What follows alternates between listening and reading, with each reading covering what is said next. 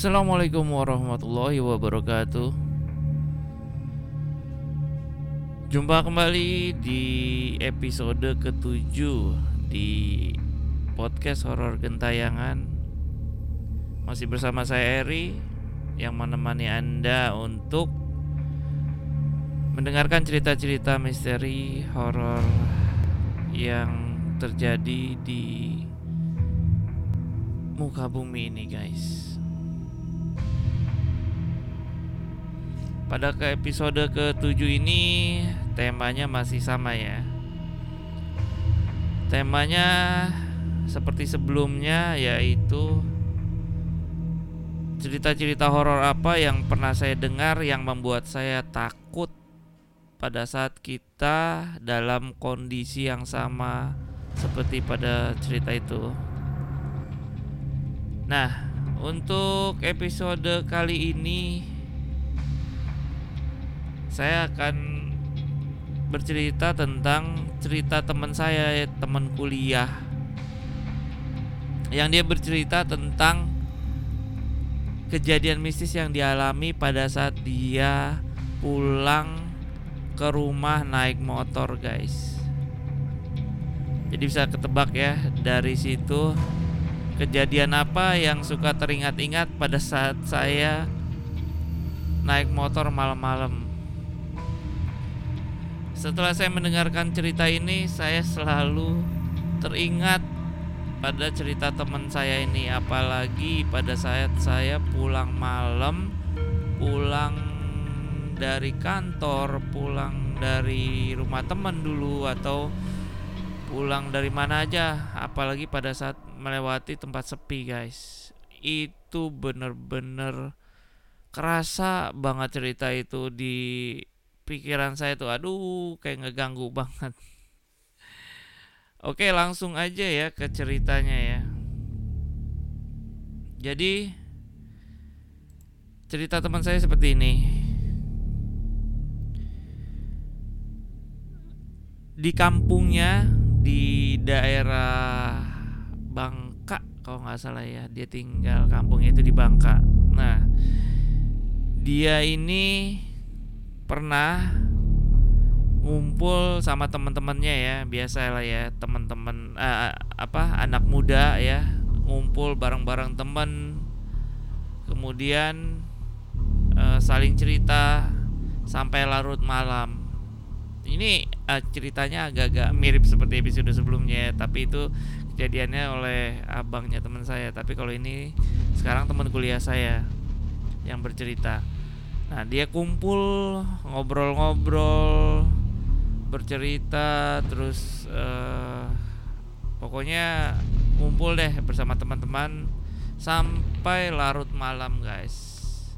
Nah yang namanya di kampungnya katanya lewat dari jam 9 aja sih itu udah sepi apalagi kamp, uh, tempat nongkrong tempat rumah temennya ini agak jauh guys katanya dia itu sekitar sejam dua jam lah kalau nggak salah dari rumahnya. Nah setelah larut malam sekitar di atas jam 12 kalau nggak salah dia bilang ya saya juga agak lupa cerita udah lama. Tapi ya udah larut malam lah ya udah udah lewat dari tengah malam yang jelas.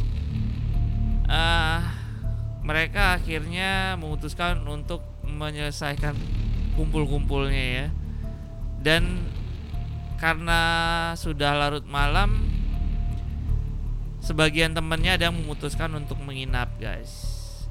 Dan ada beberapa yang pulang. Dan kebetulan teman saya ini yang rumahnya paling jauh. Nah yang punya rumah temennya menyarankan untuk udah kamu nginep aja. Kamu kan jauh rumahnya apalagi jalur yang kamu lewatin ini bakalan ngelewatin tempat yang serem katanya gitu. Nah jadi diceritakan oleh teman saya itu dia di kampungnya itu di jalur yang dia lewati nantinya itu memang katanya ada uh, suatu hutan kalau nggak salah hutan yang di mana tempatnya itu gelap banget tempatnya gelap kemudian di kanan kirinya katanya banyak pohon besar dan pohon bambu katanya. Saya lupa pohon besar apa kalau nggak salah dua-duanya deh pohon besar dan memang pohon bambu. Nah di daerah pohon-pohon bambu itu kalau nggak salah apa yang pohon besarnya itu itu sering terjadi penampakan-penampakan guys. Katanya seperti itu. Nah temennya udah mengingatkan ya untuk udah lo nginep aja di sini. Rumah lo kan paling jauh. Besok aja pulangnya. Nanti takutnya ada apa-apa di jalan dibilang gitu. Oh enggak lah uh, kayaknya mau pulang aja lah. Uh, eh, gue buru-buru aja kayak gitu. Nanti gue di jalan ngebut aja gitu. Tenang biasalah uh, ceritanya juga agak-agak mirip kayak yang episode sebelumnya ya agak-agak sombong gitu tapi dia nggak sampai sompral sih katanya. Ah udah biasa gue malam gini-gini bla bla bla gitu. Nah singkat cerita pulanglah teman saya ini dari rumah temennya itu yang ngumpul. Yang sebagian nginap-nginap, yang sebagian pulang akhirnya pulang. Nah, setelah beberapa orang berbarengan pulang, misah satu-satu di jalan, pisah satu-satu satu tinggallah teman saya sendiri. Nah, waktu tinggal dia sendiri ini pas dia melewati tempat yang diceritakan itu guys dan dia udah dari jauh ini udah ngambil ancang-ancang ya. Wah, ini udah mau ngelewatin tempat ini oke gue ngebut ah gitu akhirnya dia agak mengencangkan uh, kecepatan motornya guys. Oke dia uh, naik motor ya. Pas dia lagi ngebut kayak gitu tiba tiba-tiba saja seperti ada orang yang naik gitu di belakangnya guys. Brek gitu. Eh. Uh, apa tuh? Dia mikir dalam hati gitu. Kayak gimana sih kalau kita lagi di motor belum jalan gitu terus ada orang naik kan kan pasti berasa ya brek gitu kan. Dia berasa aduh kok uh, motor gua agak berat jadi kayak ada yang naik tadi. Aduh dia dia udah mulai nggak enak hatinya katanya udah udah mulai ngerasa nggak enak. Dia mencoba untuk baca-baca doa katanya. Dia mulai baca doa mulai baca doa. Kemudian dia berusaha untuk uh, menenangkan diri lah menenangkan diri dia penasaran. Untuk untuk uh, biar nggak penasaran itu dia ngelihat sedikit ke kaca spion. Nah sebenarnya mungkin memang kesalahan kita itu adalah penasaran kali ya guys ya. Seharusnya pada saat kondisi kayak gitu kita mesti super cuek mungkin ya. Nah kesalahan itulah yang yang dilakukan oleh teman saya juga. Dia penasaran dia sedikit mengintip di spion. Dan bener aja guys waktu dia ngintip di spion itu dia ngeliat ke belakang ada sesosok ya bisa dibilang sesosok di belakang dengan rambutnya yang panjang guys. Rambutnya panjang uh, jadi karena dia ngintip di spion gitu aja tidak terlalu jelas banget cuman hanya sedikit bagian bagian kepala ya dari atas ke bawah kayak gitu tapi cuman sedikit karena kehalingan pala dia juga. Cuman dia sempat ngintip itu kayak rambut panjang terurai terkena angin ya karena dia ngebut gitu dia tiba-tiba langsung shock gitu kaget. Astagfirullahaladzim. Wah dia semakin baca doa makin baca doa makin baca doa. Dan dia langsung memutuskan untuk udah nggak mau ngelihat lagi nggak mau ngelihat lagi. Pokoknya pandangan tetap ke depan. Dia me, memicingkan ya apa, apa mem, menyipitkan mata gitu. Jadi ngelihatnya agak-agak sipit gitu ngelihat ke depan secukupnya ya. Yang penting dia bisa ngelihat ke depan aja sambil motornya dia ngebut terus. Nah semakin dia ngebut semakin ngebut tiba-tiba dia ngerasakan di pundaknya itu seperti ada yang memegang guys. Gimana sih kalau kita memegang memegang pundak? Kalau kita boncengin di belakang memegang pundak di orang yang ngeboncengin kita. Nah kayak gitu. Prak pundak dia tiba-tiba dua-dua ada yang seperti megang semakin terkejut teman saya semakin tegang semakin deg-degan guys. Akhirnya dia lebih memicingkan lagi matanya lebih mem agak memejamkan lagi matanya sampai yang terlihat di mata itu cuman sedikit aja. Cuma sedikit dia nggak mau ngelihat ke kanan kiri dia nggak mau ngelihat ke spion yang dia lihat hanya jalanan di depannya itu juga cuma sedikit guys dia terus ngebut terus ngebut dan kalian tahu apa yang terjadi selanjutnya dengan kondisi tegang, dengan kondisi membaca doa, dengan kondisi matanya yang semakin sipit, yang cuma melihat depan hanya sedikit saja. Tiba-tiba guys, dari samping kanan mulailah nongol kepalanya guys. Jadi kalau bisa dibayangkan itu kepala seperti ngelongok ke depan sambil ngeliat ke arah muka teman saya. Bisa teman-teman bayangin dong dengan para dengan kepala dia yang ada di belakang kemudian maju sedikit-sedikit di sebelah kanan kemudian menengokkan kepalanya sambil ngeliat tepat ke muka teman saya guys.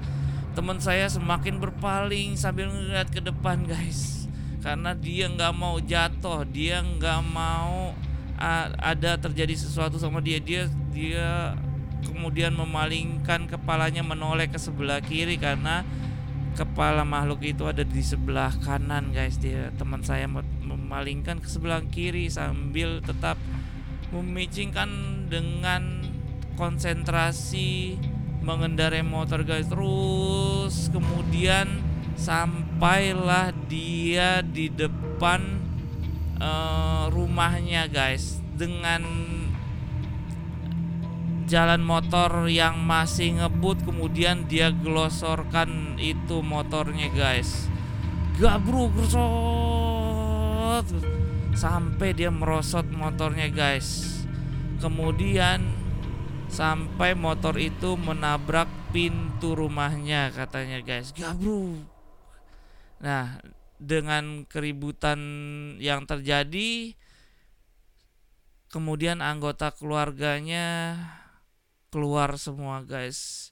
Pas dilihat kenapa? Kenapa? Ke teman apa ke anggota keluarganya ngelihat teman saya ini terjatuh di depan rumahnya sambil menabrak pagar rumahnya. Kenapa? Kenapa? Kenapa sih kamu Kenapa? Panik karena panik uh, keluarganya langsung buka pintu langsung ngangkat itu motor dan teman saya lemas lemas lemasnya katanya guys sampai minta tolong di papa. Masukin motornya semua masukin. Tolong tolong nggak bisa jalan ini tolong uh, di papa ke dalam papa ke dalam. Akhirnya di papa ke dalam sama anggota keluarganya semua. Seluruh anggota keluarganya menyangka dia terkena begal atau mau dirampok di jalan apa pokoknya takut ada apa-apa dengan uh, teman saya ini guys. Rampok atau apa gitu kemudian uh, bergegas semua masukin motornya dimasukin teman saya dipapa ke dalam. Kemudian teman saya langsung besok aja ceritanya aku masih lemes aku masih nggak bisa uh, bercerita banyak. Akhirnya pintu semua ditutup kembali motor ditaruh dan semuanya kembali tidur. Kembali untuk melakukan aktivitas malam yaitu tidur guys. Dan kemudian besoknya teman saya baru menceritakan kejadian tersebut kepada keluarganya guys. Uh di situ guys. Setelah saya dengar cerita itu guys spontan saja setelah cerita itu saya selalu teringat akan kejadian teman saya tersebut setiap saya membawa motor pulang malam atau misalkan ke tempat-tempat sepi kalau malam-malam gitu melewati tempat sepi itu selalu terbayang ceritanya guys. Itu nggak bisa saya lupa sampai sekarang ini. Jadi kalau misalkan saya naik motor malam-malam cerita itu selalu terbayang. Dan nggak cuma motor ya ada juga cerita tentang mobil tapi akan kita lanjutin di episode berikutnya tentunya karena waktunya juga sudah lumayan ya 16 menitan cerita ini. Oke buat kalian yang punya cerita mistis atau pengalaman pribadi atau cerita-cerita horor yang nyata kirimkan aja ke dan ingin berbagi ya tentunya ya kepada rekan-rekan podcast horor gentayangan. Kirimkan aja email atau uh, email ya email tulisan cerita teman-teman sekalian atau voice note ya ke podcast gentayangkan podcast ken podcastgentayangan at gmail.com Oke Ditunggu email cerita horornya Dan sampai ketemu di episode selanjutnya. Salam gentayangan Hati-hati di belakang. Assalamualaikum warahmatullahi wabarakatuh